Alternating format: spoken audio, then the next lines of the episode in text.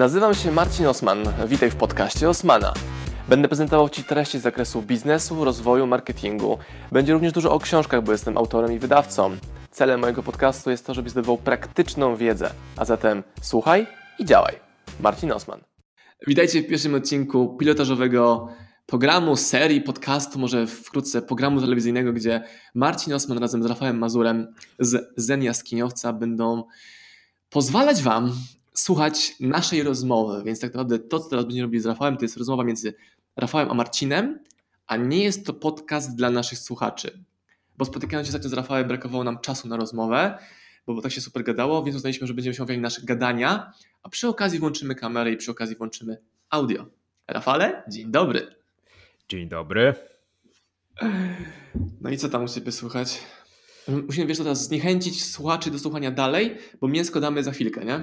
Czyli mają odpaść ci, którzy w sumie nas nie lubią, nie chcą i chcą od razu konkretu. A to oni szybko odpadną, a myślę, że się nie musimy nim przejmować szczególnie. Na dzisiejszy temat rozmowy. No właśnie, temat rozmowy tak sprzyja.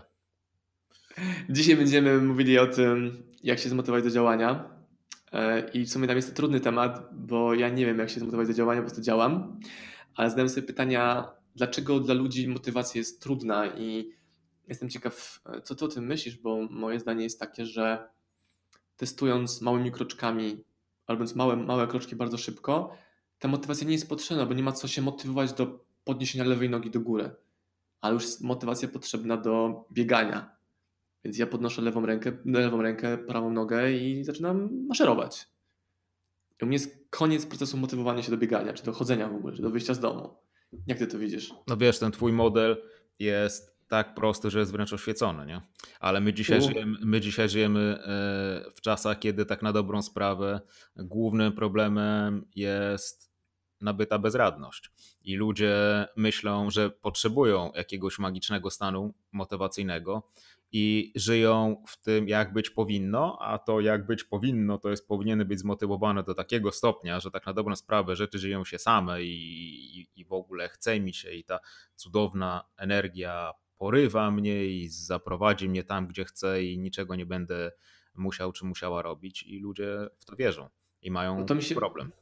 To mi się przypomina z początkiem naszej znajomości, że nas połączyła, czy to jest moja, moja opinia, nie? że nas połączyło takie zaskoczenie tym, że ludzie oczekują tego, że będą zawsze szczęśliwi, zawsze zmotywowani i że zawsze im się będzie chciało. A ja to rozumiem jako luksus, który czasami się pojawia i gdybym czekał na tę motywację, szczęście i zadowolenie, to nic bym nie robił. Albo szukanie tego why Simona Sinka, że dopóki tego why nie znajdę, to znaczy, że nie mogę robić rzeczy, bo to nie jest takie moje. To jest, naprawdę. To, to why to jest jedna z najbardziej próżnych koncepcji, jakie w życiu słyszałem. Dlatego, że wiesz, ja nie za bardzo wierzę, że my możemy tak naprawdę poznać swoją motywację rozumianą jako motywy, które nami kierują. Ja wierzę w to, że one są dosyć podświadome i tak na dobrą sprawę bardziej sobie schlebiamy, mówiąc o tym, że wiemy. Yy, dlaczego coś robimy, mnie dużo bardziej interesuje po co niż dlaczego. Nie? Znaczy pytanie po co jest dla mnie po prostu takim pytaniem na chłopski rozum, wiesz, po co mi to, po co, po co to robię, a nie dlaczego to robię, bo nie za bardzo wierzę, że jest... Po co się ożeniłem? To mi przychodzi teraz taka gra słów, jak skoro jest why, nie znaj swoje why, to ja, mam, to myślałem moje why not. No dobra, ale wczujmy się w takim razie teraz w ludzi, którzy naprawdę myślą, że potrzebują tej motywacji. I, i co, byś, co ty swoim klientom mówisz, jak oni ci proszą o jakąś rekomendację, żeby im się zaczęło chcieć? To ty kopiesz w dupę i mówisz, idź bracie, możesz iść? Czy, czy jak twoja rekomendacja wygląda?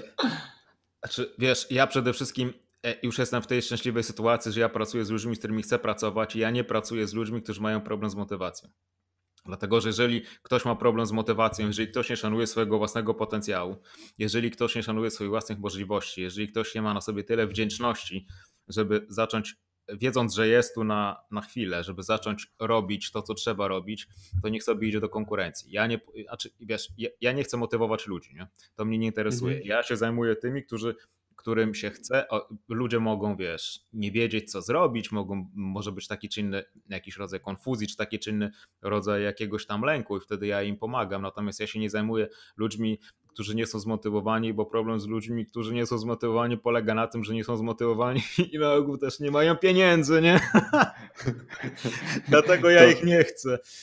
E, to do mnie ostatnio napisała e, jakaś tam pani, której nie znam na Instagramie i mówi, żeby nagrał odcinek o MLM-ie. Ale, tam, ale dokładnie co chcesz wiedzieć o tym MLM-ie, jakby, jak, po co ci potrzeba moja opinia? Mówi, bo mój mąż chodzi na te szkolenia, się motywuje, inspiruje i tak dalej, wydaje kolejne pieniądze, ale nie ma z tego efektu. On mówi, że jeszcze musi na to pochodzić więcej.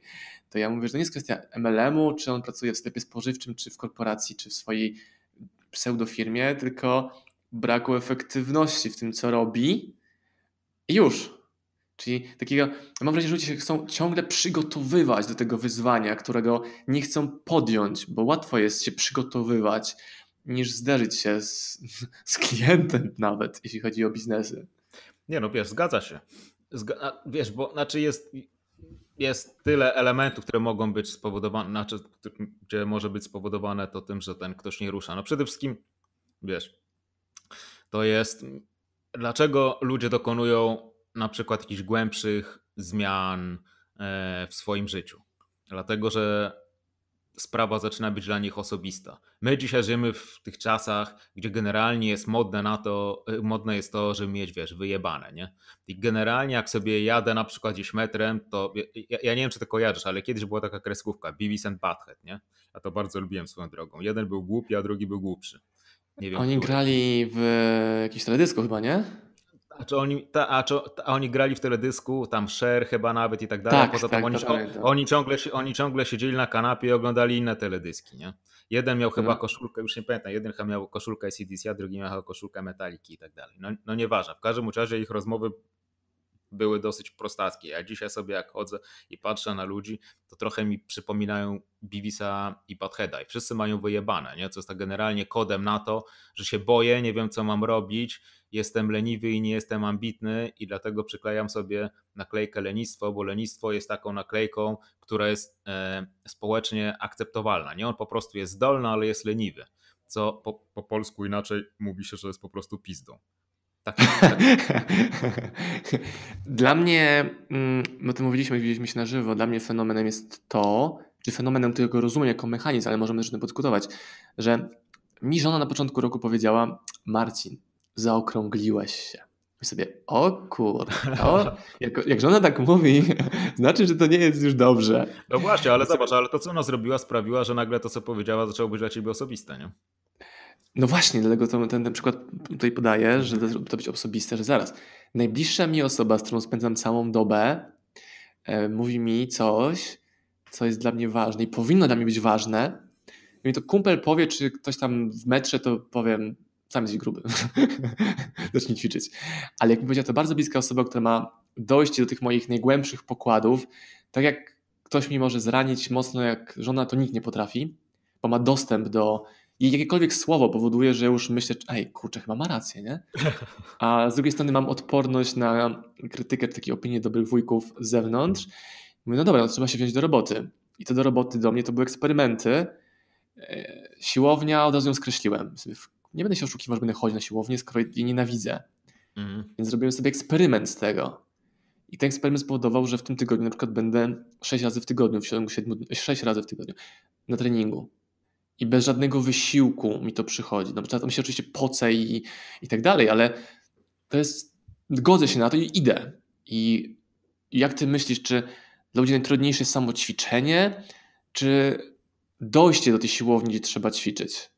A czy wiesz, ja, cię, ja, ja, ja ci opowiem też, jak się spotkaliśmy, to ja o tym mówiłem. Ja ci opowiem tak w wielkim, wielkim skrócie, jaka była moja droga. I opowiem to nie dlatego, żeby się pochwalić, co ja zrobiłem, tylko dlatego, że ja jakby miałem, nazwijmy to, wiesz, jeżeli wyjdziemy z tego języka NLP, to ja miałem strategię trochę gorszą niż ty. Ty wydajesz się być osobą, która w dosyć naturalny sposób e, robi pewne rzeczy. Ja nie byłem i nie jestem tak doskonałym osobnikiem pod względem, nie, pod, pod względem pewnych strategii i tak dalej. I więc jakby ja przeszedłem sobie przez, e, przez piekło do pewnego stopnia, e, żeby być e, tu, gdzie jestem. I to jest tak. I, I, teraz tak naprawdę zaczynamy tą rozmowę a propos ludzi, którzy siedzą i nie wiedzą, co mają zrobić i chcieliby i tak dalej. Po pierwsze, jedna z rzeczy, którą trzeba wiedzieć, którą trzeba wiedzieć, przepraszam, to jest to, że my nie jesteśmy jednią, tylko jest przynajmniej tylko są przynajmniej nas mm, dwie części. Jedna jest ta, która chce, a druga jest ta, która nie chce. I na tym tak naprawdę polega cała gra. I cała gra polega na tym, jak ze wszystkim, że albo musisz zrobić coś na siłę, albo musisz zrobić coś sposobem. Ty na przykład z tego, co mówiłeś, e, znajdowałeś na to sposób, na przykład małe kroczki i tak dalej, tak dalej. Ja dużo elementów zrobiłem po prostu na siłę. Zresztą zeń jaskiniowca wzięło się stąd, że jest zen, czyli ten, ta, ta, ta kwestia robienia coś sposobem i jaskiniowa, jaskiniowca, czyli robienia coś na siłę.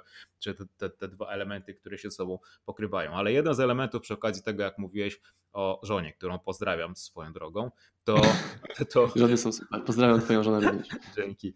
E, to, e, to właśnie jak, jak ci coś powiedziała, wiesz, i sposobem, znaczy po, powodem, dla którego ja ruszyłem, a zresztą jeżeli ludzie, którzy mnie nie znają czy nie śledzą, wejdą sobie dosłownie dzisiaj na mój Instagram czy na, na mojego Facebooka, to ja tam wrzu, wrzu, wrzuciłem, mm, wrzuciłem wrzuciłem zdjęcie e, tego, jak wyglądałem wcześniej kontra e, to, jak wyglądam teraz. To wiesz, jednym z takich. Zobaczę teraz, no. Jedną, mów jedną z tak, i, i, jednym z takich elementów to jest po prostu, że najzwyczajniej na świecie, w momencie, w którym jesteś w dupie w życiu, to najzwyczajniej na świecie. W... Uuu, jaki tutaj ponczuś, kwiatuszek. To, to, to wiesz, to po prostu, po prostu trzeba się wkurwić. I teraz e, ja wiem, że u nas. Puszek, okruszek. Ja, ja wiem, że u nas, ja wiem, że u nas, ja wiem, że u nas w Polsce wszyscy wchodzą, wchodzą z tak zwanym wkurwem, tylko to, co ja mówię, polega na tym, że to trzeba nakierować na na konstruktywne działanie. Czyli na ten pierwszy krok, o którym mówisz. Takie elementy, które pomagają ludziom najczęściej ruszyć z miejsca, to jest gniew, e, to jest obrzydzenie, nie do siebie, tylko do postawy, którą ten, ten ktoś e, manifestuje. Mhm. manifestuje. E, I odwrócony strach, czyli w momencie, w którym ktoś się czegoś boi, że boi, że coś zrobi, może po prostu odwrócić ten strach i zacząć się bać tego, co się stanie, jeżeli on nie zacznie robić, jeżeli zacznie dalej marnować swój czas, jeżeli inni ludzie będą patrzyli na niego jak na totalną ofiarę i pipę i tak dalej. Tego elementu, no, te, te, te, te silne emocje można odwracać. No i ja się przestraszyłem tego, jeżeli moja własna żona mówi mi to, że się zaokrągliłeś, misio, nie? A z drugiej strony myślę sobie, kurwa, ja chcę jeść tą czekoladę. ja nie chcę tego rezygnować, więc moim celem ćwiczenia nie jest być jakimś Schwarzeneggerem, czy to musiałbym brać sterydy, ale to nie o to mi chodzi. Ale nie jest e, rezygnowanie z tych słodyczy, które lubię, tylko chcę mieć jedno i drugie. Więc napierdzielam, dbam o to, żeby było większe spalanie niż ładowanie tych kalorii i w sumie tyle. Ale znowu myślę sobie, kurne, kurna, skoro to jest tak proste, co odróżnia ciebie i mnie od ludzi, którzy są grubi, to tak ekstremalnie grubi, albo nawet nie, od ludzi, którzy są grubi i chcą, czy mówią, że chcą coś z tym zrobić, bo znam wielu grubasów, znaczy, okej, okay, ze słyszenia, bo się z tym nie zadaje, którzy mówią, że akceptują tą swoją brzuszek tatusia na przykład, nie? Jak ty to widzisz? Znaczy wiesz, ja, ja uznaję, że ja mam mandat do gadania na ten temat, dlatego że ja byłem gruby. Nie byłem puszysty, tylko byłem po prostu gruby. I i teraz już nie jestem. Nie? A to, co e, sprawiło, że nie jestem, no to po pierwsze, tak jak mówiłem, poczułem obrzydzenie do tego, jak wyglądam i do tego, jaką postawę sobą, sobą reprezentuję. To była kwestia obrzydzenia i to była kwestia wkurwu, który postanowiłem zamienić na coś. To było to, że ja nie czekałem absolutnie e, na motywację i gdybym czekał, to wciąż bym sobie na nią czekał, bo jak się waży 90 parę kilogramów przy 170 parę wzrostu, to, to, to, to bieganie, bieganie nie stanowi jakiegoś szczególnego fanu. Natomiast potraktowałem to skrajnie osobiście. Po prostu potraktowałem to osobiście, uznałem, że tak nie będzie i nie interesują mnie żadne konsekwencje e, tego, ile będzie mnie ta zmiana kosztowała i że to zmienię. Wiesz, w, w, powiem szczerze, że wiesz, w naj, najbardziej śmiałych marzeniach nie przypuszczałem, że będę mm, e, mógł wyglądać tak, jak wyglądam teraz, czyli na przykład mieć e, jednocyfrowy poziom tkanki tłuszczowej przez cały rok, ale chodzi o to, że ja wtedy sobie tego nie wyobrażałem. Będzie zimno w zimie. Dlatego się hartuję. E, ja sobie tego wtedy nie wyobrażałem, po prostu byłem na innym poziomie świadomości. Natomiast jeżeli ktoś mówi, że chciałbym schudnąć, a nie schudnie, a, a nie chudnie albo niczego nie robi, no to Chryste Panie, tak naprawdę pokazuje swój prawdziwy system wartości, wiesz, bo, bo gadanie niewiele kosztuje, robienie kosztuje trochę więcej, więc jeżeli ktoś powtarza z uporem maniaka, jak to bardzo chce schudnąć, albo jak to na przykład bardzo kocha swoją rodzinę i że rodzina i dzieci są najważniejsze, a spędza, tak, a spędza, wieczory, mm. spędza wieczory z kumplami napierdolony gdzieś w barze 7 dni w tygodniu, no to jakby nasze wybory pokazują, jaki jest nasz prawdziwy e, system wartości. Więc po prostu przestać siebie oszukiwać. Jeżeli tego nie robisz, to tego nie rób. A jeżeli mówisz, że coś zrobisz, no to po prostu zrób to i wykorzystaj ten mechanizm, który jest nam wrodzony i narzucony przez społeczeństwo, czyli mechanizm wyrzutów sumienia. Złóż sobie obietnicę albo obietnicę komuś, na kim ci zależy. Jeżeli masz odrobinę kurwa szacunku i poczucia własnej wartości, to w momencie, w którym coś obiecasz sobie albo obiecasz komuś, zależy e, przed kim, przed kim będziesz się bardziej wstydzić, i po prostu zacznij wykonywać podstawowe, najprostsze ruchy, które doprowadzają do, e, do mety. Podstawowe, Wiesz, absolutnie to, podstawowe elementy. jeden z autorów naszych, Todd Henry, mówi, że to, czemu dajesz czas i pieniądze, pokazuje, co jest dla ciebie ważne. Czyli jeżeli mówisz o tej rodzinie, tak samo znam mnóstwo ludzi, którzy mówią, że rodzina jest najważniejsza i zdrowie, albo życzę Ci szczęścia, zdrowia, pomyślności, nie? A wpierdzielają wszystko, czego nie powinni jeść w ilościach, jakich w ogóle nie powinni jeść. I to jest niewłaściwe zrozumienie. Znaczy, mówienie jest tanie, działanie jest trudniejsze e, i czemu tak się dzieje? Czy jest defaultowe oprogramowanie, które ktoś ma? Jest on łatwiejszą wersją? Czy to chodzi o to, żeby przyjąć swój standard w dół? Czyli jeśli ktoś na przykład, ja też to widzę teraz ojców tam wieku 28 do 20, no nie wiem, 35, którzy mają dzieci i oni mają większe brzuchy niż mm, kobiety w ciąży, które właśnie dziecko im rodzą, nie? Bo oni sobie mówią, no tak, razem, razem sobie tam tyjemy, podjadamy w nocy i coś tam. Ja sobie myślę, kurde, ja jestem teraz w najlepszej kondycji w całym moim życiu i ta kondycja rośnie, nie spada. I, i jak to jest? Nie? Co w moim mózgu jest innego? Ludzie powiedzą predyspozycje, ktoś powie, no jesteś inny albo wyjątkowy, a ja myślę, kurwa, gdzie ja wyjątkowy byłem? Ja w podstawówce to WF unikałem. Na rybach siedziałem. Też ludzie dzisiaj mówią, jak mam cudowne geny, nie? Tylko gdzie te geny były parę lat temu, widać na zdjęciu, gdzie były. Więc... To mi dzisiaj klientka napisała odpowiedzi na mailing, który wysłaliśmy wczoraj bardzo skuteczny w sprzedaży mailing, że z tobie z taką dużą lekkością, łatwością przychodzi sprzedaż.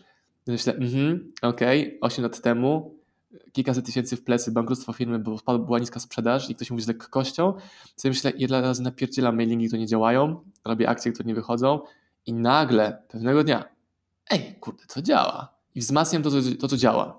Ale bez tej statystyki, ja nie potrafię, znaczy, ja podziwiam ludzi, którzy mają talent. Ktoś to, nie wiem, wysyła mailing i sprzedaje za milion, a ja po prostu napierdzielam, ćwiczę, kombinuję.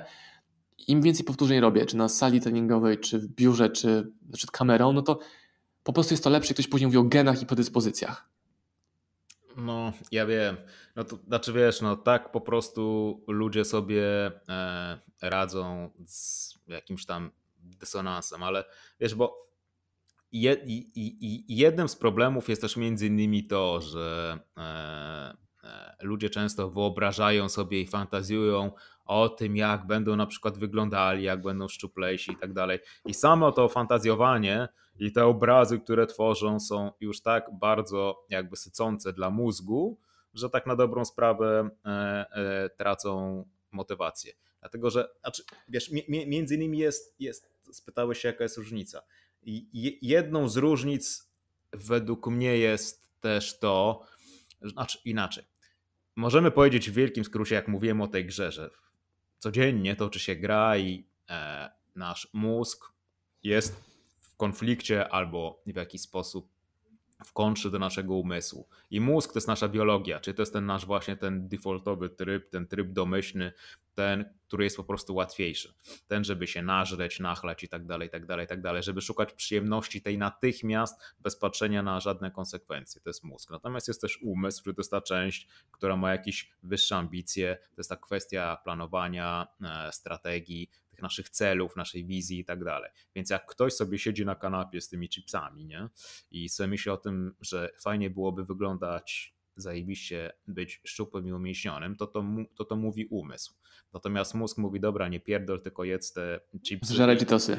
I, i, po, i, popija, I popijaj browara tak jakby jutro miało nigdy nie nadejść, bo generalnie dla mózgu, dla mózgu tej części biologicznej jutro nigdy nie nadchodzi, bo ona jest zawsze w wiecznym, wie, w wiecznym tak i wiecz, znaczy wiecznym teraz, więc jakby nie ma takiego liniowego poczucia czasu, które, e, które my mamy. Więc jest, mm. jest ta gra między umysłem jest e, i między mózgiem, natomiast podjęcie decyzji właśnie to jest kwestia e, umysłu, więc mówiąc inaczej, w momencie, w którym ty mówisz, że ty nie miałeś problemów z tego typu mm, elementami, to po prostu oznacza, według mnie, że ty masz jak to się ładnie mówi, wyższą kognitywną kontrolę nad e, swoim, mm, nad sobą niż przeciętna osoba. Ale to jest znaczy, kwestia treningu też, też między innymi. Też dodam to, że ja zacząłem na treningi chodzić i tam byłem na przykład dwa razy w tygodniu, bo trzeba delikatnie na początek, nie? Wszyscy tak mówią delikatnie. I wyszło mi, że jeśli mam robić trzy treningi w tygodniu, to już się od tego migam. I zamiast pójść w opcję bezpieczną 2, to ja mówię, dobra, idę na 6.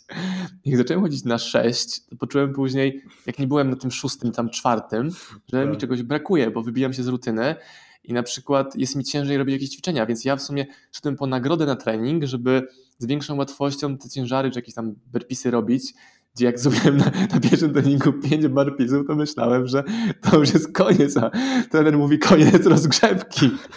Do końca treningu 56 minut. Ja mówię, okej, okay, to będzie grubo. I biorę sztangę, trener mówi, nie, weź PCV-kę. Jak to PCV-kę? Po minucie wiedziałem, że musiałem wziąć PCV-kę. I ten, ten progres był i myślałem, znaczy ja go nie zauważyłem.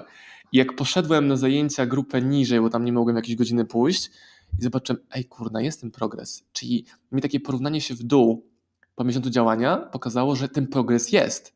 Ja go w ogóle nie mierzyłem tam, wiesz, wydolnością, ilością powtórzeń, tam, czy mam promil tkanki tłuszczowej w grudniu, jak jest minus 18 stopni, wiesz, whatever, nie? Mhm. Ale mi dociśnięcie właśnie tej ilości treningu spowodowało, dało mi więcej jeszcze, użyjmy tego słowa, motywacji, tego drive'u do działania, gdzie w ogóle nie, nie kwestionuję tego. Ja na trening idę wtedy, jak jestem w Lublinie, kropka.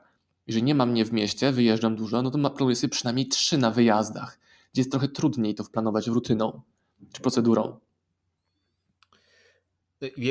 To, co ja robiłem między innymi, to ponieważ znałem siebie na tyle, że wiedziałem, że będę się, wiesz, łapał każdej wymówki, żeby, żeby, żeby nie robić, a to robiłem rzeczy, które pozwalały mi ćwiczyć e, niezależnie od pogody, i niezależnie od tego, czy gdzieś tam będą jakieś zajęcia i będzie jakiś trener. Ja ćwiczę z trenerem nie chodzę na siłownię. Trening siłowy robię w domu. Na początku wystarcza mi do tego drążek w drzwiach, co oznaczało, że mogę zrobić trening nawet w środku nocy. Nie ma żadnej wymówki. W momencie, w którym masz drążek albo w momencie, w którym możesz zrobić pompki czy przysiady, jest to jest na początek wszystko, czego potrzebujesz. Wiesz, ja czasami, e, e, wiesz, miałem klientów akurat w tym czy innym kontekście, którzy mówili, wiesz, stary, na mnie to nie działa. Na mnie to nie działa, bo to jestem taką generalnie osobą, że albo wszystko, albo nic. No kurwa, wiem, dlatego właśnie nie masz nic, bo masz taką, bo masz taką fantasty- bo masz takie fantastyczne podejście, że albo musisz ćwiczyć 8, 8, 8, 8, że musisz ćwiczyć 8 godzin, bo 8 minut to nie wystarczy. Ja zaczynałem od ćwiczenia o, o, zaczynałem od biegania i, i, i, i, założenie było takie, że nie mogę biegać dłużej niż 20 minut dziennie. Nie mogę, nie, nie mogę biegać mm. dłużej. I co więcej, wyznaczyłem sobie jedną trasę i ja tą trasę z czasem oczywiście po tym jak, jak prawie dostawałem zawału przez pierwszy miesiąc, yy, przebiegałem coraz szybciej, a to oznaczało, że ja trening robiłem coraz szybciej. Po prostu miałem no, odcinek do przebiegnięcia i im mi lepiej szło, tym krócej biegałem i tym było silniejsze wzmocnienie pozytywne i dochodziło do tego, że zacząłem od 20 minut, a potem to samo rzecz przebiegałem 10 minut i trudno było już znaleźć wymówkę na to, żeby nie wyjść na 10 minut pobiegać, wiesz. Do, Rafał, to przejdźmy teraz do tematu, do, do tego, co myślą większości słuchacze teraz, nasi widzowie dlaczego takimi bucami jesteśmy. A, no, no. I się mówimy, że rzeczy są proste. I dam Ci przykład z wczoraj, jakim bucem byłem. I o sobie o tym podyskutujmy. Teraz sobie myślę, dobra, jakie jest poziom rozczarowania słuchaczy? Czy jest albo miłość, albo już dawno sobie poszli, albo słuchają w kuchni, mówiąc, że ale do dupy. Tak też często słyszę. E, wczoraj kolega wrzucił wideo na swoje YouTube'owe, na Facebooka. I kliknąłem w nie, bo go lubię. E, I patrzę, ja pierdzielę może merytoryka spoko, ale słaba jakość. Piszę mu, Grzesiek, zrób, dodaj tylko mikrofon do tego wideo, będzie dobrze. on mówi: Dobra, dobra, dobra, ale co, co dobrego widzisz w tym moim wideo? Ja mu odpisałem zgodnie z tym, co pomyślałem od razu, że innych masz od komplementów i klaskania, ja powiem ci to, co poprawi, żeby to było lepsze. E, na co on przysłał mi link innego kolegi, który nagrywa z mikrofonem, ale jest efekt marny. Ja sobie pomyślałem, dobra Grzesiu, koniec feedbacku za free od Marcina i on nie zdaje sobie sprawy z tego prawdopodobnie, że sam chroni się przed poprawą jakości tego, co robi, jednym krokiem, jednym kliknięciem wręcz i szuka przykładów, które, pokazują zupełnie inny standard działania. Czyli on nie przysłał mojego wideo, które ma tam gazylion odsłon, tylko przysłał słabsze wideo, jako przykład, że to, co ja mówię, jest nieprawdą, gdzie ja mówię z własnego doświadczenia, wiem, jak bardzo zajebiście ważnym elementem jest audio w tym wideo. Jestem ciekaw, co ty o tym myślisz, nie? Bo to jest mój przykład bycia bucem, który chciał pomóc i już żona też ze mnie się śmieje. Czemu po raz kolejny dajesz ludziom rekomendacje bez zlecenia tak naprawdę? Jestem ciekaw, jak to jest u ciebie, panie jaskiniowcu Zen Akabuc, e, z tymi rekomendacjami, które dajesz ludziom, które oni nie wierzą i tak się przed nimi bronią. Znaczy ja to chciałem od razu powiedzieć, że ja uważam, że jestem uroczy. Nie, tak, gdy zamknę oczy, jestem uroczy. Nie, a tak na serio, wiesz, już mi jakiś czas temu przeszło, e, przeszła e, misja zbawiania świata na siłę. Nie, znaczy to jest e, generalnie, generalnie nie, nie udzielam rad osobom, które mnie o to nie poproszą. Bo masz wyjątkowe geny, ja mam trochę inne.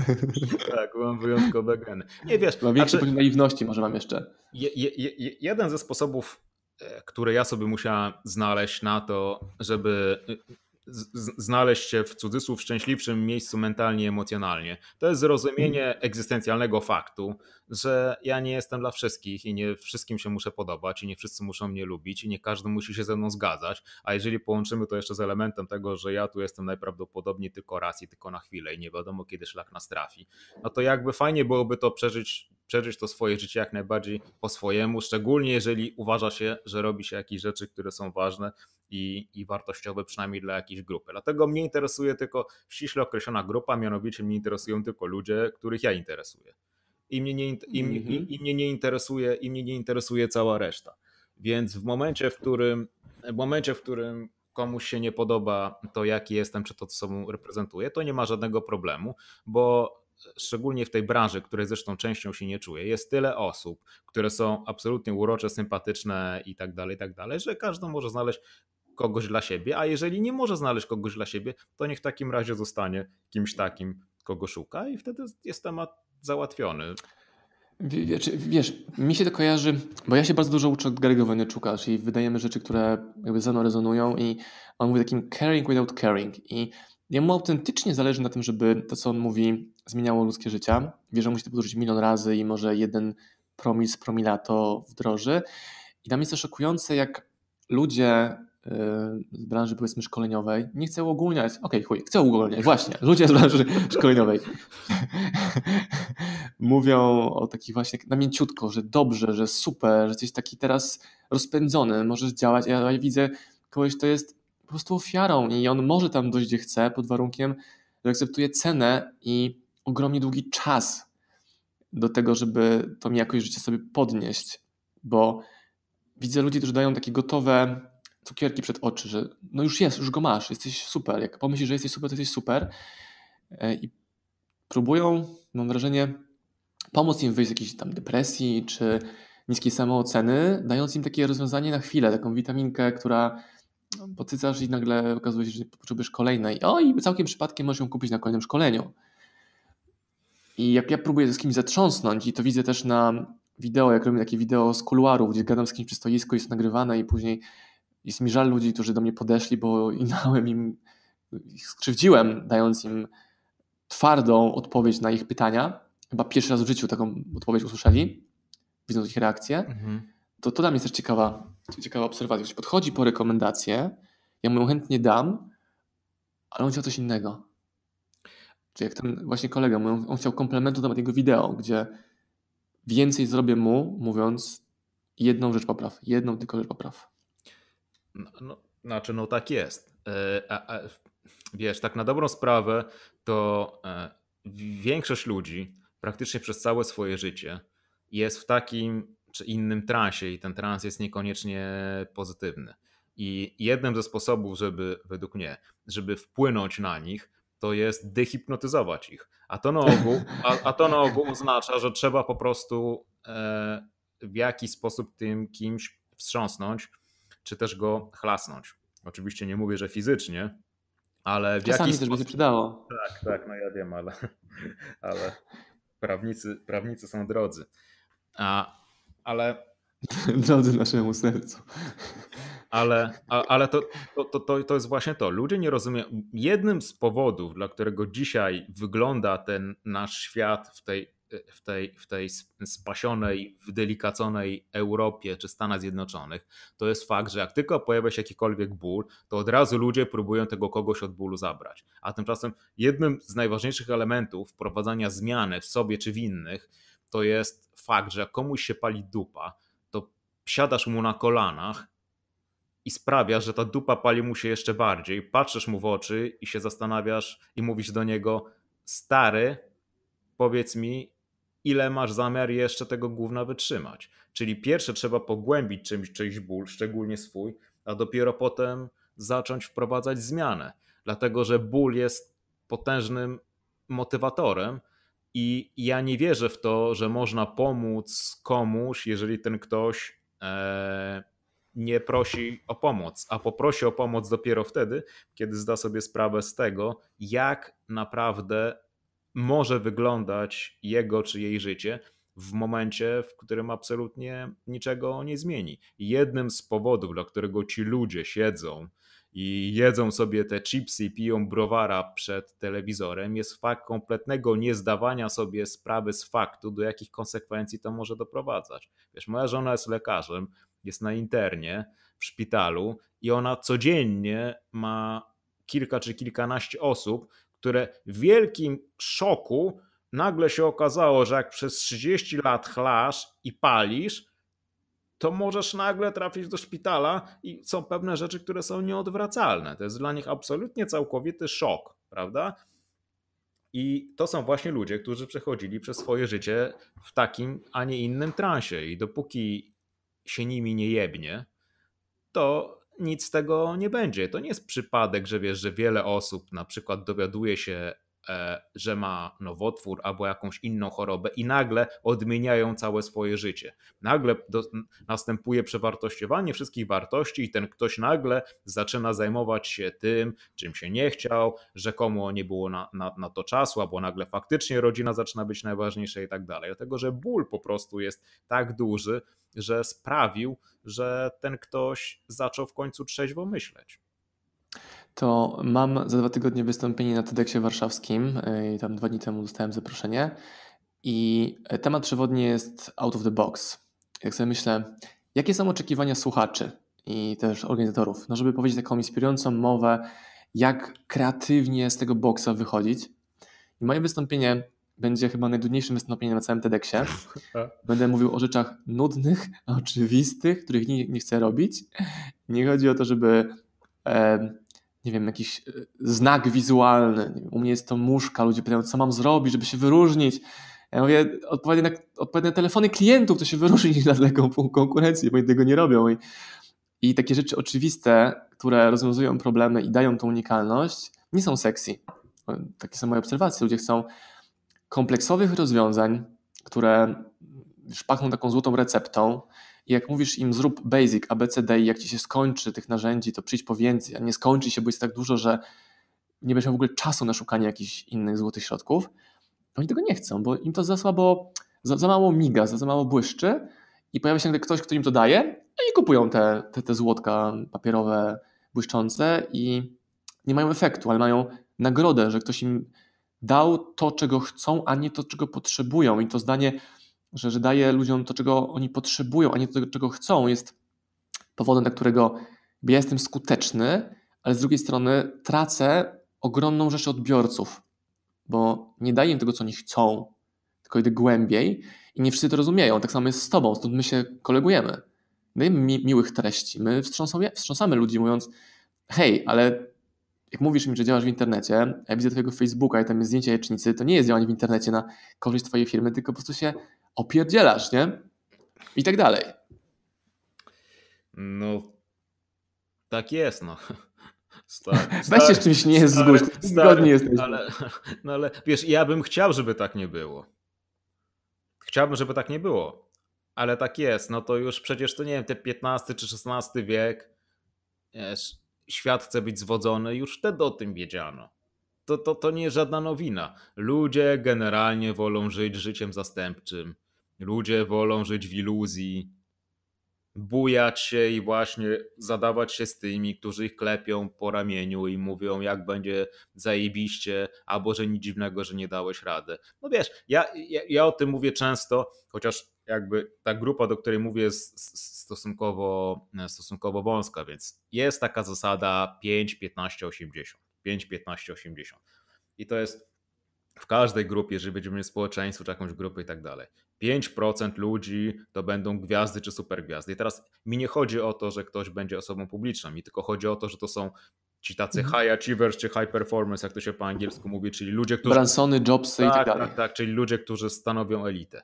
15% będzie radziło sobie dobrze lub nieźle, 80% będzie w dupie niezależnie od tego, jakie dasz im narzędzia, co im dasz i tak dalej, tak dalej. 80% ludzi jest w tym trybie właśnie transowym, w tym trybie bezradności, gdzie niezależnie od tego, co im dasz, to i tak będą cały czas w tym samym miejscu. Więc cała zabawa polega na tym, żeby ewentualnie z tej grupy 80 przesunąć się do grupy 15, a z grupy 15 przesunąć się do grupy 5%, czy żeby być skutecznym w życiu. Bo to jest według mnie to tak naprawdę, co w życiu jest najważniejsze, żeby być skutecznym. A teraz oczywiście pytanie brzmi, e, jakie są wartości tego kogoś, natomiast niezależnie od tego, jakie one są, fajnie byłoby być e, skutecznym w osiąganiu tego czegoś. Więc czy to dla kogoś są czy są pieniądze, czy to jest rodzina, czy pomaganie e, głodującym dzieciom w Afryce, nie ma żadnego znaczenia. Natomiast jeżeli ktoś chce pomagać głodującym dzieciom w Afryce, to niech robi to najbardziej, najbardziej skuteczny ze wszystkich możliwych sposobów.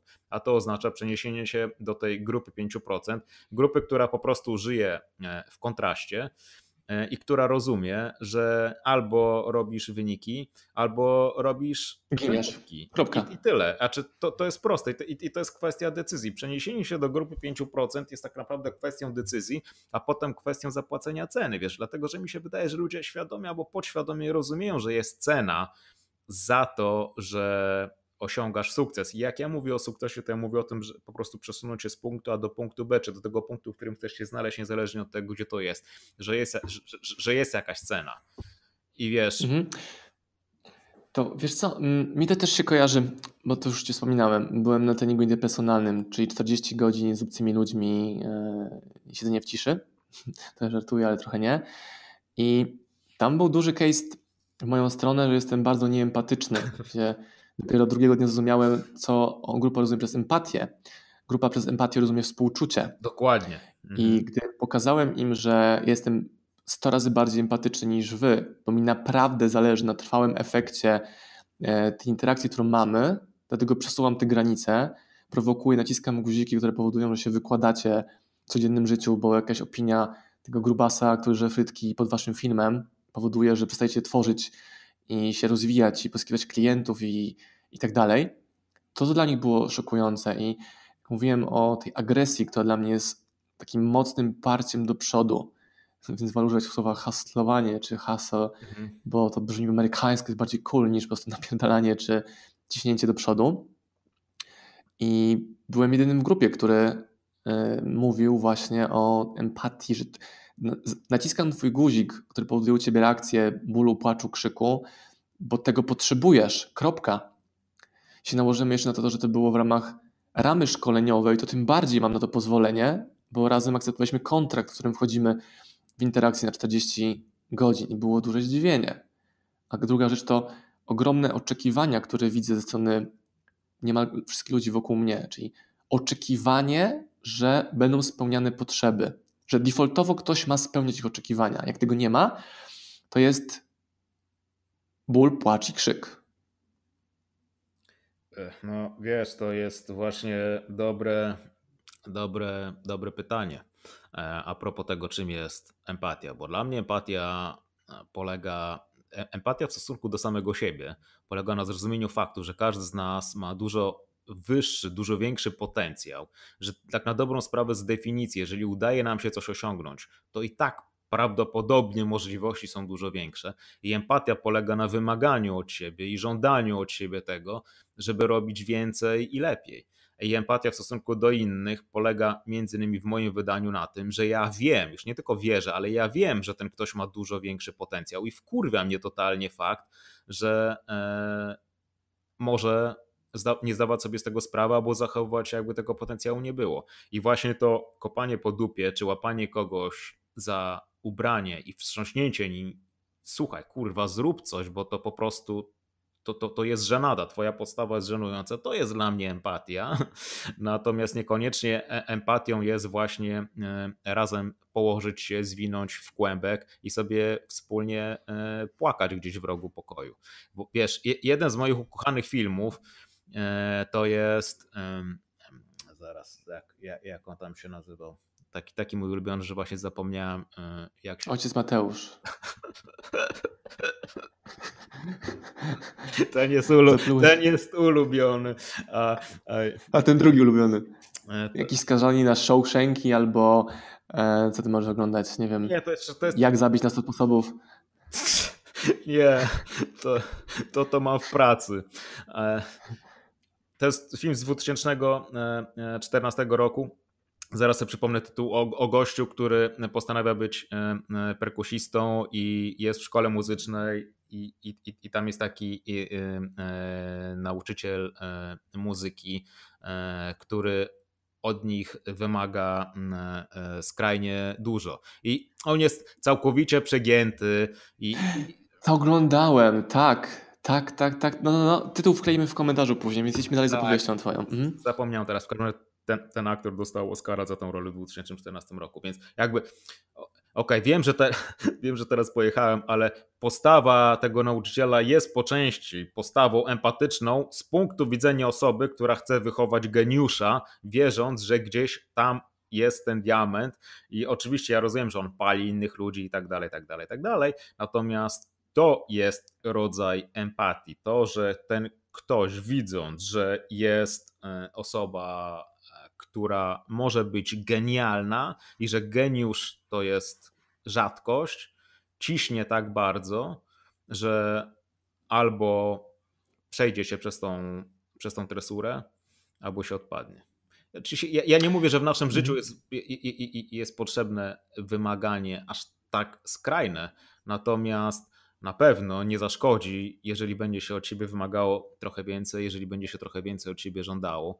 I jeżeli będzie miał się trochę większy szacunek do swojego potencjału i trochę więcej wdzięczności z faktu, że tu jesteśmy i że żyjemy, jakkolwiek by nie był doskonały ten system czy ten kraj, to jednak żyjemy w kraju i w systemie, który pozwala jednak mimo wszystko realizować siebie.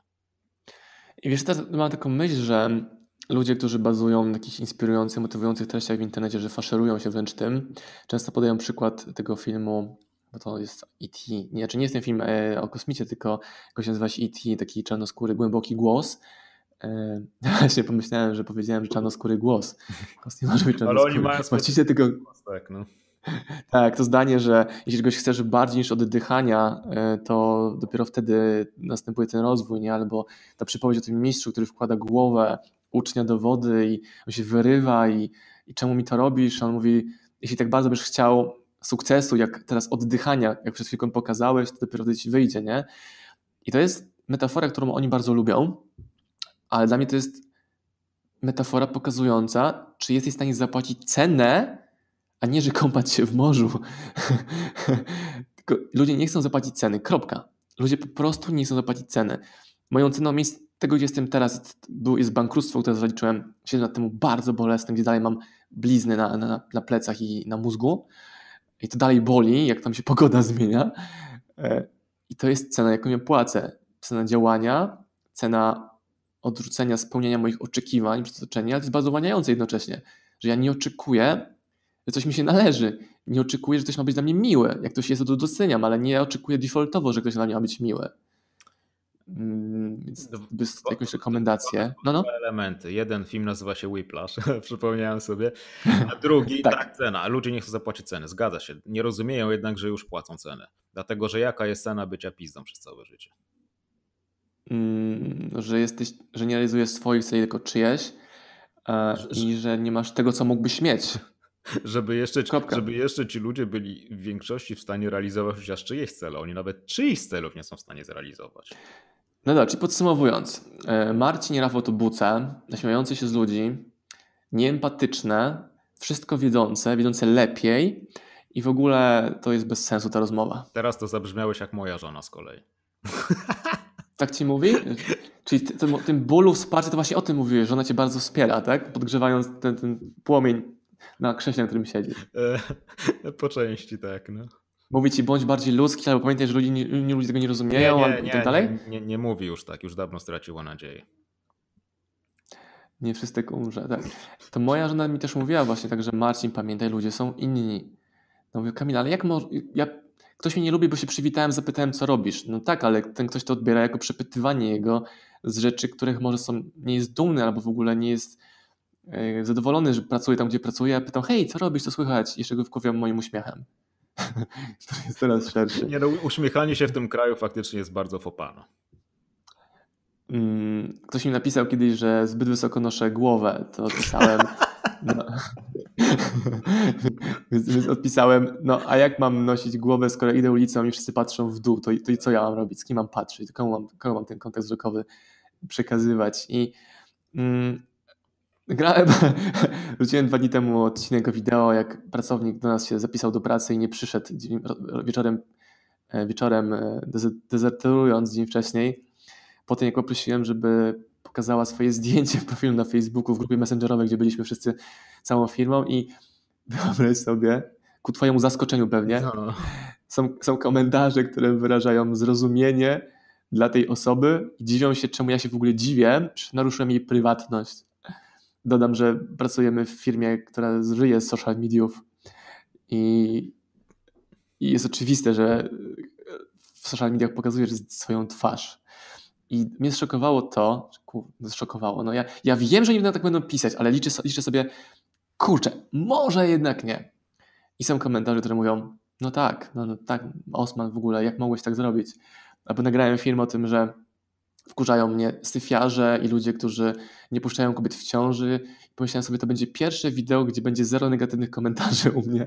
Gdzie tam piszą, ciąża to nie choroba, nie kłóć się z ludźmi, bo to psuje im dzień, albo podważyłeś autorytet ojca, który wkładał łapy do żarcia przed synem, który obok niego stał i tak dalej, i tak dalej. I właśnie gdyby ci ludzie, gdyby ci ludzie to swoje niezadowolenie, rozdrażnienie, frustrację, wkurwienie, gdyby przełożyli na konstruktywne działanie, żeby poprawić jakość swojego życia. Ja nie mówię, że mają poprawiać jakość świata, bo ja nie jestem naiwny. Niech tylko zaczną robić co ze sobą. Gdyby tą energię, którą siedzą ci wszyscy kowboje klawiatury, przełożyli na to, żeby zrobić jeden czy dwa kroki w kierunku. To są cowboye, mówiąc po polsku.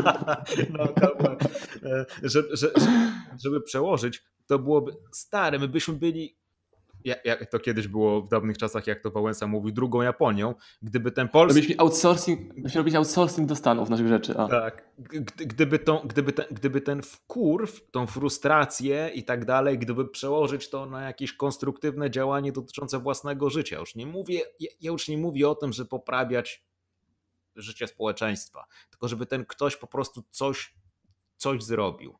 No ale ale łatwiej, ja jest, podziwiam... łatwiej, jest, łatwiej jest, wiesz, być krytykiem. Co, mnie, mnie szokuje to, jak otwieram komentarze u mnie na YouTube, bo tylko te komentarze czytam, czyli komentarze u mnie w mojej społeczności i widzę komentarz i tam pokaż więcej. Klikam pokaż więcej, jak ktoś napisał kartkę A4.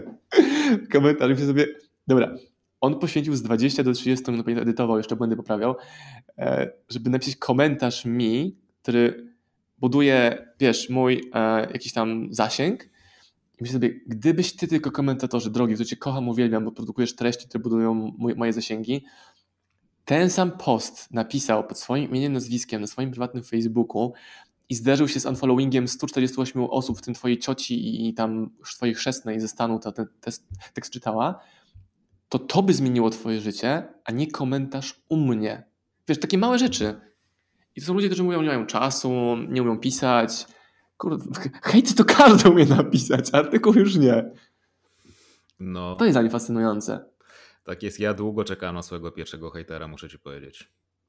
Kurwa, wiedziałem, że jak nie ma hejtu, to nie jestem na dobrej drodze. Jak się, pojawił hejt, jak się pojawia hejt, to jestem happy. Wtedy dopiero wiem, że robię coś, coś co jest wartościowego. To, I teraz znowu mi się przypominają sytuacje, które pokazują, jak bardzo ryzykowne będzie może być zinterpretowanie tego, co mówisz. mhm. I widzę ludzi, którzy robią naprawdę shitową robotę, każdym obiektywnym kryterium to oceniając. Oni otrzymują komentarz hejterski i mówią, tak, są hejterzy i się bronią przed tym, a ja widzę, że ten hejter to jest ktoś, kto napisał daj mikrofon głośniej, bo cię nie słychać. Albo, wiesz, coś, co można poprawić. Ja wiem, że u ciebie to jest zupełnie inna kategoria hejtu, e, bo tworzysz długo treści, ale ludzie mogą sobie, mam wrażenie, te- też interpretację taką, że dobrze mieć hejt. No, no okej, spoko, dobra, ale ja czytam ten hejt i zadaję sobie pytanie, czy oni mają rację. Ale to nie paraliżuje mnie, że a, już nie robię wideo, bo tam źle końcówki odmieniał zamiast firmą, mówię firmą, czy jakoś tak. E, no, więc jakbyś do tego odniósł? Część z tego, co powiedziałeś, to jest po prostu konstruktywna krytyka, bo jeżeli na przykład, za- załóżmy, e, ty, ty, ty, czyli osoba, która już tworzy treści, która tworzy je na wysokim poziomie, w momencie, w którym zostawisz jakiś komentarz u mnie, dotyczący tego, że powinienem na przykład według Ciebie zrobić to, albo i tak dalej, i tak dalej, i tak dalej. To oczywiście się do tego mogę odnieść, czy nie, ale to jest konstruktywna krytyka. Prawda? W momencie, w momencie, w którym ktoś napisał, napisał mi, to był chyba ten mój pierwszy, o ile pamiętam, taki, taki nazwijmy to hejt, coś tam w stylu, że, że życzę Ci, żebyś umarł, to nie jest szczególnie konstruktywna krytyka, jakby, więc ja rozumiem, że nie tworzę treści dla tych ludzi i ja nie tworzę treści tylko po to, żeby był hejt, dlatego że za każdym razem, kiedy coś tworzę, to tworzę po to, żeby wnieść e, do swojego życia, bo to, co robię, robię też dla siebie i do tej grupy, która mnie śledzi, jak najwięcej wartości. Nagrałem wideo, w którym mówię, że nie można wydawać pieniędzy, których się nie ma na, nie wiem, latę czy iPhony. Mhm. Ale do czego zmierzam? Poszedłem do kafejki i były dwie kelnerki. Jedna mówi, wow, super film oglądałam. A druga mówi, co? Termosu się zapomniało dzisiaj z kawą? I ona nie żartowała, tylko wyraziła swoje niezadowolenie z tego, co ja w ogóle wygaduję, a później śmiem kupić kawę w kafejce. By the way, na spotkaniu biznesowym. I zabieranie tych przyjemności. Ja sobie myślę, ilość. I to mnie, to, to wideo, które ma tam z 200 tysięcy viewsów zrobionych w miesiąc, pokazało mi, że ludzie tego nie widzą. Ludzie nie widzą, że jeśli kupują za 15 zł espresso z, z 300 ml mleka, to coś jest nie halo. No ale przyjemności, nieprzyjemności. Dobra, kup sobie tą kawę raz na tydzień. Ale jak wydajesz 150 razy 4 miesięcznie 600 na ileż? 5 litrów mleka i 15 espresso, to coś tutaj jest mocno nie halo. I pokazanie tego wywołuje kontrowersje. Kontrowersje to emocje. Ludzie się zgadzają albo się nie zgadzają. I myślę sobie, jak się można z tym nie zgodzić? Skoro to matematyka pokazuje, że wydajesz 600 zł miesięcznie swojej pensji, która ma 2,5 tysiąca na przykład, i ty nie widzisz problemu w tym, rocznie wydajesz 7, 8, 10 koła na kawę. Wiesz, A powiedz mi teraz, ja ci, No. teraz ja ci zadam pytanie. A bardzo proszę. Dla, dla, dlaczego, dlaczego według Ciebie na przykład osoba, która jest na, na etacie, nie ma niczego złego z, z byciem na etacie od razu przy okazji, bo teraz jest, Też tak uważam. te, Mhm. teraz jest moda na to, że Mhm. wszyscy powinni być przedsiębiorcami, chociaż większość firm jest otworzona tylko po to, żeby de facto być na etacie, tylko prowadząc działalność gospodarczą. Ale dobra, to już jest inny temat. E, Dla, i, i, jeżeli wyjdziemy em, z, e, z założenia, e, że żeby mieć więcej pieniędzy, to albo możesz je oszczędzać, albo możesz koncentrować się na zarabianiu pieniędzy, albo ewentualnie jedno i drugie. Co według Ciebie trzyma taką osobę młodą, która ma potencjał e, w pracy za na przykład 2,5 tysiąca złotych, w momencie, w którym ta osoba mogłaby być na wyższym poziomie? Czego tej osobie brakuje, albo czego ona nie rozumie? Nie rozumie, że to, ile ma pieniędzy na koncie, jest ważniejsze niż to, co myśli o niej grupa znajomych wokół, czy w pracy, czy w domu, do, domu czy w jakimś tam środowisku socjalnym, w którym się teraz znajduję, oni rozumieją, że to jest ważniejsze. E, do mnie koleżanka dzwoni ostatnio, która robi super roboty, jest świetną artystką mówi, że dostała propozycję tam zlecenia dla bardzo rozpoznawalnej osoby, ale bardzo kontrowersyjnej i mówi, nie, nie, ja tego nie będę robiła, da mi to łatkę, że pracuję z nim. Ja mówię, mówisz o opinii wobec, od, od innych ludzi, a ja to widzę, że będziesz teraz miała drugie dziecko i ten kontrakt powoduje, że możesz przez dwa miesiące nie pracować. A łatka to co w ogóle znaczy łatka? Że no pracowałam z tym, więc jestem z jego obozu. Jak ci fakturę zapłacił, to jakie to ma znaczenie? Jeśli nie jest, wiesz, mordercą, przestępcą i no nie wiem, politykiem może, te trzy kategorie bym poruszył. I ludzie potrzebują statusu uznania opinii innych, oceny i dla nich jest to bardziej istotne, że idą z tą kubkiem za 15 zł kawy do biurowca, gdzie siedzą jakieś mordorze, ale mają widok na, na całe miasto, wrzucają zdjęcie uporządkowanego biurka z tą kawą i panoramy Warszawy. A ja wiem, że tam nie ma nic romantycznego i fajnego, bo fajniejsze jest picie kawy za, 4, za, za 1 euro na skwerku w Portugalii, gdzie Ryanerem lecisz za stówę i pracujesz na laptopie czy komórce nawet, tworząc sesję do internetu za, za, za grosze. I, I o to chodzi, ten potrzeba bycia uznanym, wpasowania się w coś. Kiedyś byliśmy z kumplem w jakimś szkoleniu w Londynie i on mówi, że e, poczekaj, włączę sobie kamerę jeszcze raz, sekundkę, dobra, w sumie to nie może, no, czekaj, czekaj sekunda, mm. bo to było mądre, jak będzie mądre, tylko muszę czekaj, robić tak, sekunda, -hmm. budujemy napięcie i nagrywamy z powrotem, dobra. E, I on mówi coś takiego, bo po tym szkoleniu ludzie szli na piwo i jakieś tam rzeczy, ja zostawałem w hotelu rozkminiając moje tam lekcje z tego szkolenia, on na te piwo z nimi chodził, piwo w Londynie jest droższe niż w Polsce i się skarży, kurwa, ten wyjazd jest drogi w ogóle, no to czemu na to piwo z nimi chodzisz? Bo jakbym nie poszedł, to by powiedzieli, że jestem nieszczery i że coś ukrywam i że nie chcę być częścią grupy. No ale ja zostałem w hotelu. No właśnie o tym mówię.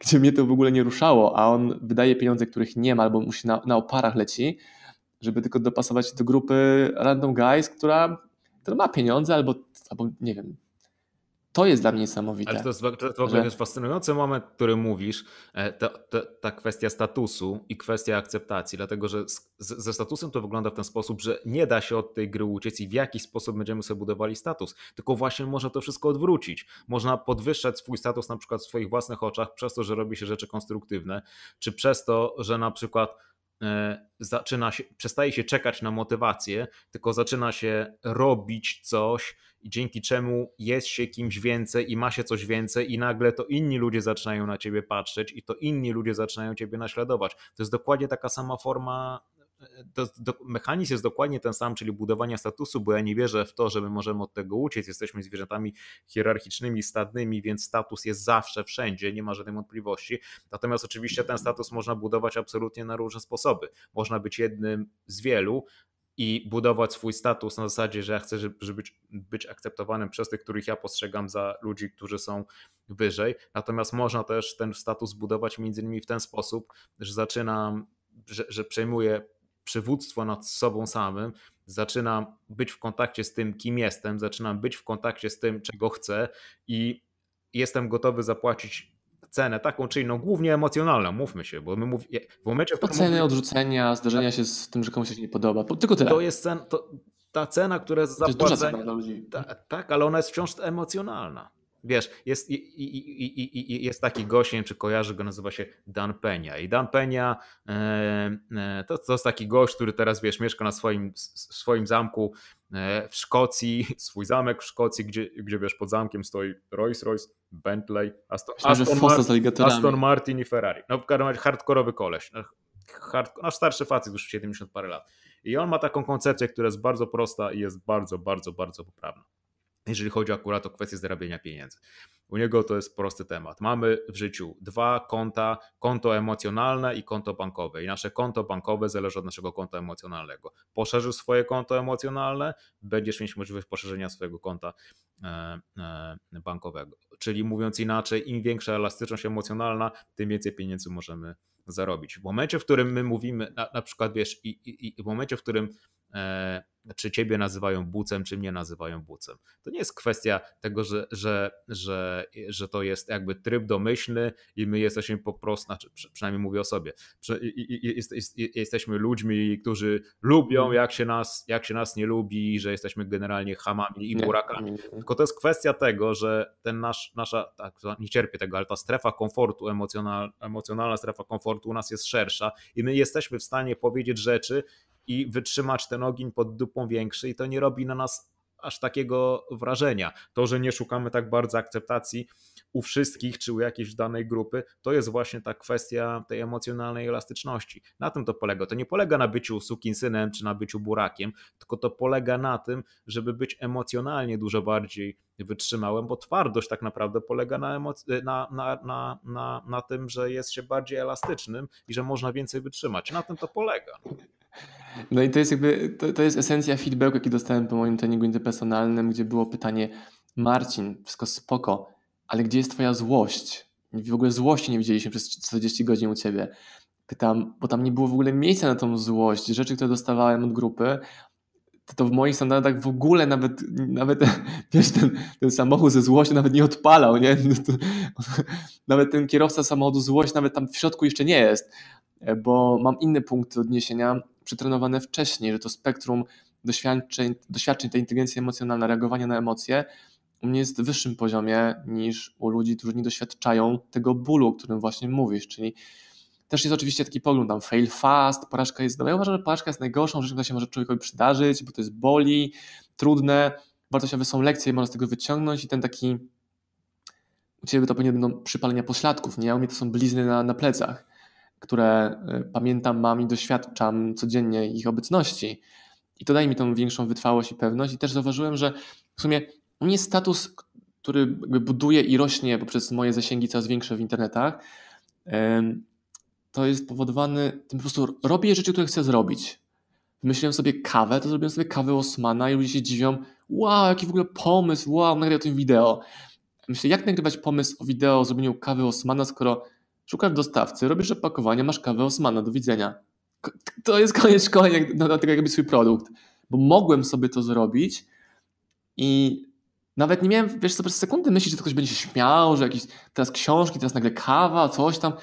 W ogóle tego dialogu w mojej głowie nie było. Takie dialogi były u mnie, nie wiem, 8 lat temu, 10, może 15, ale już dawno nie pamiętam, że miał takie rozkminę, czy coś zrobił, coś nie wypada bardziej robię coś, co nie wypada i to ma później konsekwencje, że tam YouTube mówią, że a, Osman pojechałeś z tym chłopakiem, który tam cię o coś zapytał, nie? A ten chłopak chciał, żebym ja zrobił sobie z nim selfie, a ja mówię mu, po co ci selfie? Zapytaj mnie coś ważnego w życiu.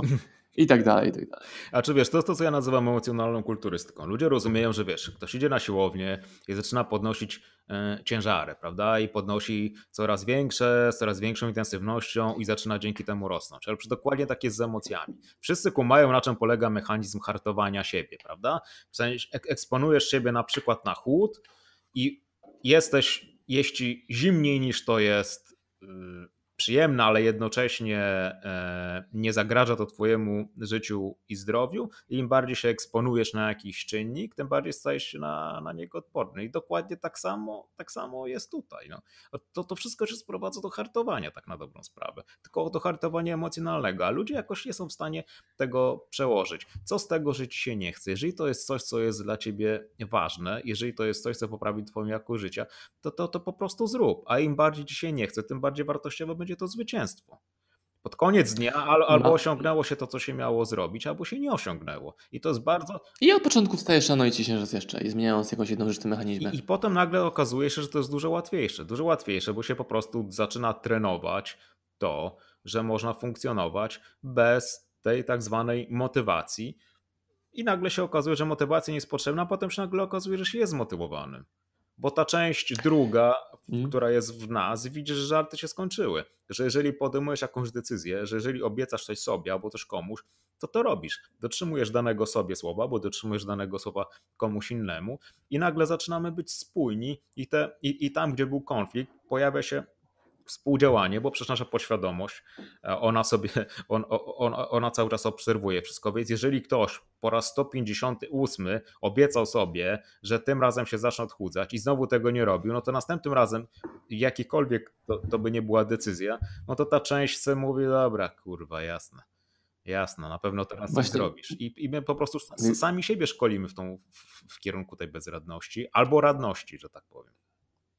Gdy ktoś pyta mnie jakąś rekomendację, daję mu ją, pytam, zrobisz to, zrobię i zadaję od razu pytanie, a co jak nie zrobisz? Nie, nie, zrobię, zrobię. Ok, czy możesz mi obiecać, na przykład czasami przed jakąś grupą, gdzie jest kilka osób na sali, go to pytam, jest, mówię, że jest to na forum publicznym nagrywane i będzie w internecie, czy zrobisz to, a jak nie zrobisz, czy zapłacisz nie wiem, 15 tysięcy na schronisko tam dzieci, czy jakieś schronisko, może schronisko dzieci, co ja gadam, Osman, schronisko dla zwierząt, Jezus Maria.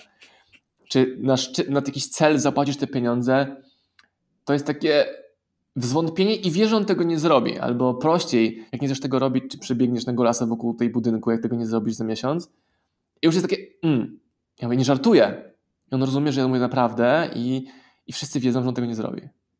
No właśnie, to i, Teraz. I, i, i to jest, to o czym mówisz, to jest po prostu postawienie tego kogoś przed konsekwencją tego, co się stanie, jeżeli ten ktoś czegoś nie zrobi. Większość ludzi, która nie robi tego, co jest do zrobienia, zastanawia się, jaki będzie ból, jakie będą nieprzyjemności przy okazji robienia tego. Ten cały proces zaczynają kojarzyć z bólem i mają na, ten, ma, mają na to czerwone światło. Nie zastanawiają się na to, jaka jest cena tego, że oni tego nie zrobią, tego, że powiedzieli sobie, czy tego, że powiedzieli komuś innemu i że tego nie zrobią, a płacą cenę. Ta cena może nie być widoczna, ale ta cena jest straszna, a tą ceną jest między innymi zaniżanie poczucia własnej wartości, mniej pewności siebie, niższa samocena, tego typu rzeczy. To, to, to po prostu jest cena, tylko że ta cena, tylko że, tylko, tylko, że w ten sposób gotujemy się powoli i nagle jak się ockniemy, to jest już bardzo późno. Natomiast konsekwencje są oczywiście cena jest zapłacenia za to, że coś zrobimy i cena jest zapłacenia za to, że tego samego nie zrobimy. Że, że, tego nie zrobimy. Trzeba sobie po prostu z, z, zdać z tego sprawę i wykorzystać mechanizm, już mówiłem na, na samym początku, chociażby wyrzutów sumienia yy, i podłączyć się pod ten mechanizm i wykorzystać go na, na, na swoją korzyść pod tytułem obiecałem sobie czy obiecałem tobie, no to teraz muszę to zrobić, bo ludzie robią to, co muszą, a nie robią tego, co powinni. To ze mną chodzi od dwóch tygodni takie zdanie, że a propos tej właśnie empatii, zrozumienia i że, i że Rafał Mazur to Boots i tak dalej, to znaczy mówiąc o tobie, też mówię o sobie, nie? Żeby było jasne. Nie, nie, że to ja rozumiem. Tym, doprecyzuję dla słuchaczy, którzy mówią, a, ale pojechał temu Mazurowi teraz. E, to, że owca nie zrozumie wilka. Odwrotnie, tak, jest to możliwe, ale on tych mechanizmów zrozumienia używa do tego, żeby być lepszym drapieżnikiem. I ja miałem takie właśnie poczucie właśnie po tym treningu interpersonalnym, jak dostałem feedback, że nawet o ocenie prowadzących mnie, ten feedback, który mówił, e, co oni o mnie myślą, że oni nie rozumieją, w jakim środowisku działam, na co codziennie się narażam, wystawiam. Nie wiem, to, że działając na YouTubie, ja defaultowo wiem, że akceptuję kubły pomyj, które lecą w moją stronę, bo tak, ten, tak to medium funkcjonuje. I młodzi twórcy, młodzi twórcy, przychodzi mi o ilość materiałów wykonanych, oni się dziwią, że nagle ktoś ich hejtuje i mówi wiem, w komentarzu, co zrobi ich matce. I się dziwią, że w ogóle takie rzeczy w internecie się dzieją, nie, nie, nie rozumiejąc, że weszli do miasta pod tytułem YouTube, gdzie są takie, takie reguły do widzenia. Nie pasuje ci, spakuj, wyjedź, ale oni chcą mieć zasięg, ekspozycję, samo dobro. No ale w tym mieście pod nazwie YouTube grasują bandyci po prostu. No tak, i, i, i wiesz, najlepsze jest to, że ludzie się tak strasznie przejmują tym, co ktoś napisał, nie mając pojęcia w ogóle, kim ten ktoś jest.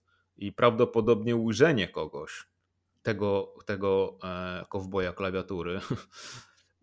Staszek 16, nie? Wiesz.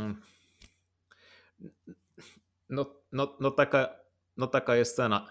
I tak ja, ja, ja się zgadzam z tobą, że, że, że już używając tej metafory, owca nie zrozumie wilka. Dowcip polega na tym, że my jesteśmy jedynym gatunkiem. Jesteśmy jedynym gatunkiem, który może zdecydować. To jest świadoma decyzja, świadoma decyzja, czy my będziemy tą owcą, czyli będziemy w tym trybie bezradności, czy my będziemy tym wilkiem. Ja rozumiem, że ta metafora się nie każdemu może podobać, tak jak słowo drapieżnik, ale, ale czy czy my będziemy w 5%, czy będziemy w 80%, czy będziemy ludzi, ludźmi, którzy mają, czy będziemy ludźmi, którzy nie mają, czy będziemy ludźmi, którzy mogą, czy będziemy ludźmi, którzy nie mogą. To jest absolutnie świadoma decyzja, do którego obozu będziesz należeć, bo już do któregoś należysz i możesz przenieść się z jednego obozu do drugiego i nie ma znaczenia, że w tym momencie możesz nie wiedzieć jak.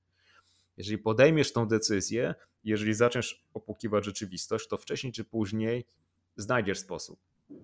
O, tylko po prostu trzeba się troszeczkę, e, trzeba się troszeczkę otworzyć na, na przykład to, co mówią inni ludzie, chociaż być może ta rzeczywistość niekoniecznie na początku może się podobać. Plus trzeba się wyeksponować, jak mówię, czysto emocjonalnie, bo ja nie mówię o zagrożeniach fizycznych, ja mówię o po prostu ekspozycji emocjonalnej. I tyle. Musi przestać być wygodnie. I, to, i to tyle. Tak naprawdę to jest, to jest kwestia podjęcia jednej decyzji.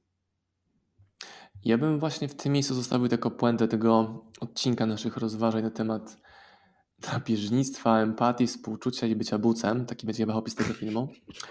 E, I, I tak sobie myślę, że jakby ja mam przyjemność i, i wartość rozmawiania z Tobą w ten sposób, gdzie gadamy z sobą, a nie przypytujemy się nawzajem. E, I myślę, że to dajmy ocenie ludzi. Wystawmy ten odcinek e, do YouTube'a mojego, Twojego i na platformie podcastowej zapytajmy ich, czy oni chcą więcej i będziemy takie rozmowy uskuteczniali. Jak to widzisz? Tylko proszę bez hejtu. Oj, nie, nie, nie, nie, nie. Ra, e, e, Rafuś, nie przejmuj się. Mi, mi się podobało. O, masz jeden pozytywny feedback na temat tego, co robiliśmy. To najważniejsze, e... jak mnie zaakceptowałeś, to jest najważniejsze. Dobra, więc w tym momencie kończymy. Zapraszamy Was do kolejnego odcinka pod tytułem Rozmowy o drapieżnictwie. Marcin Osman, Rafał Mazur. W kolejnym odcinku to Rafał będzie prowadzącym, moderującym i, i tak dalej, ustawiający cały sprzęt. Z tym sprzętem to może nie, bo się nie ukaże, ale moderować mogę. Więc będzie odcinek tylko pierwszy i trzeci, bo drugi robił Rafał. nie, nie, bo ludzie nie wiedzą, ludzie nie wiedzą, że się kompletnie na tym nie znam i generalnie przez, prze, prze, przez mój brak, brak wiedzy mieliśmy lekkie opóźnienie, więc mówię to publicznie między innymi po to, żebyście mogli mnie bardziej hejtować. Pozdrawiam Was, moi drodzy podcasterzy, słuchacze mojego podcastu. Dziękuję, jestem Wam na maksa wdzięczny za to, że mogę z Wami spędzać czas w podróży, po to, abyście mogli ode mnie się uczyć i ja, żebym mógł budować z Wami relacje, będąc w Waszych uszach, w Waszych samochodach, w Waszych podróżach.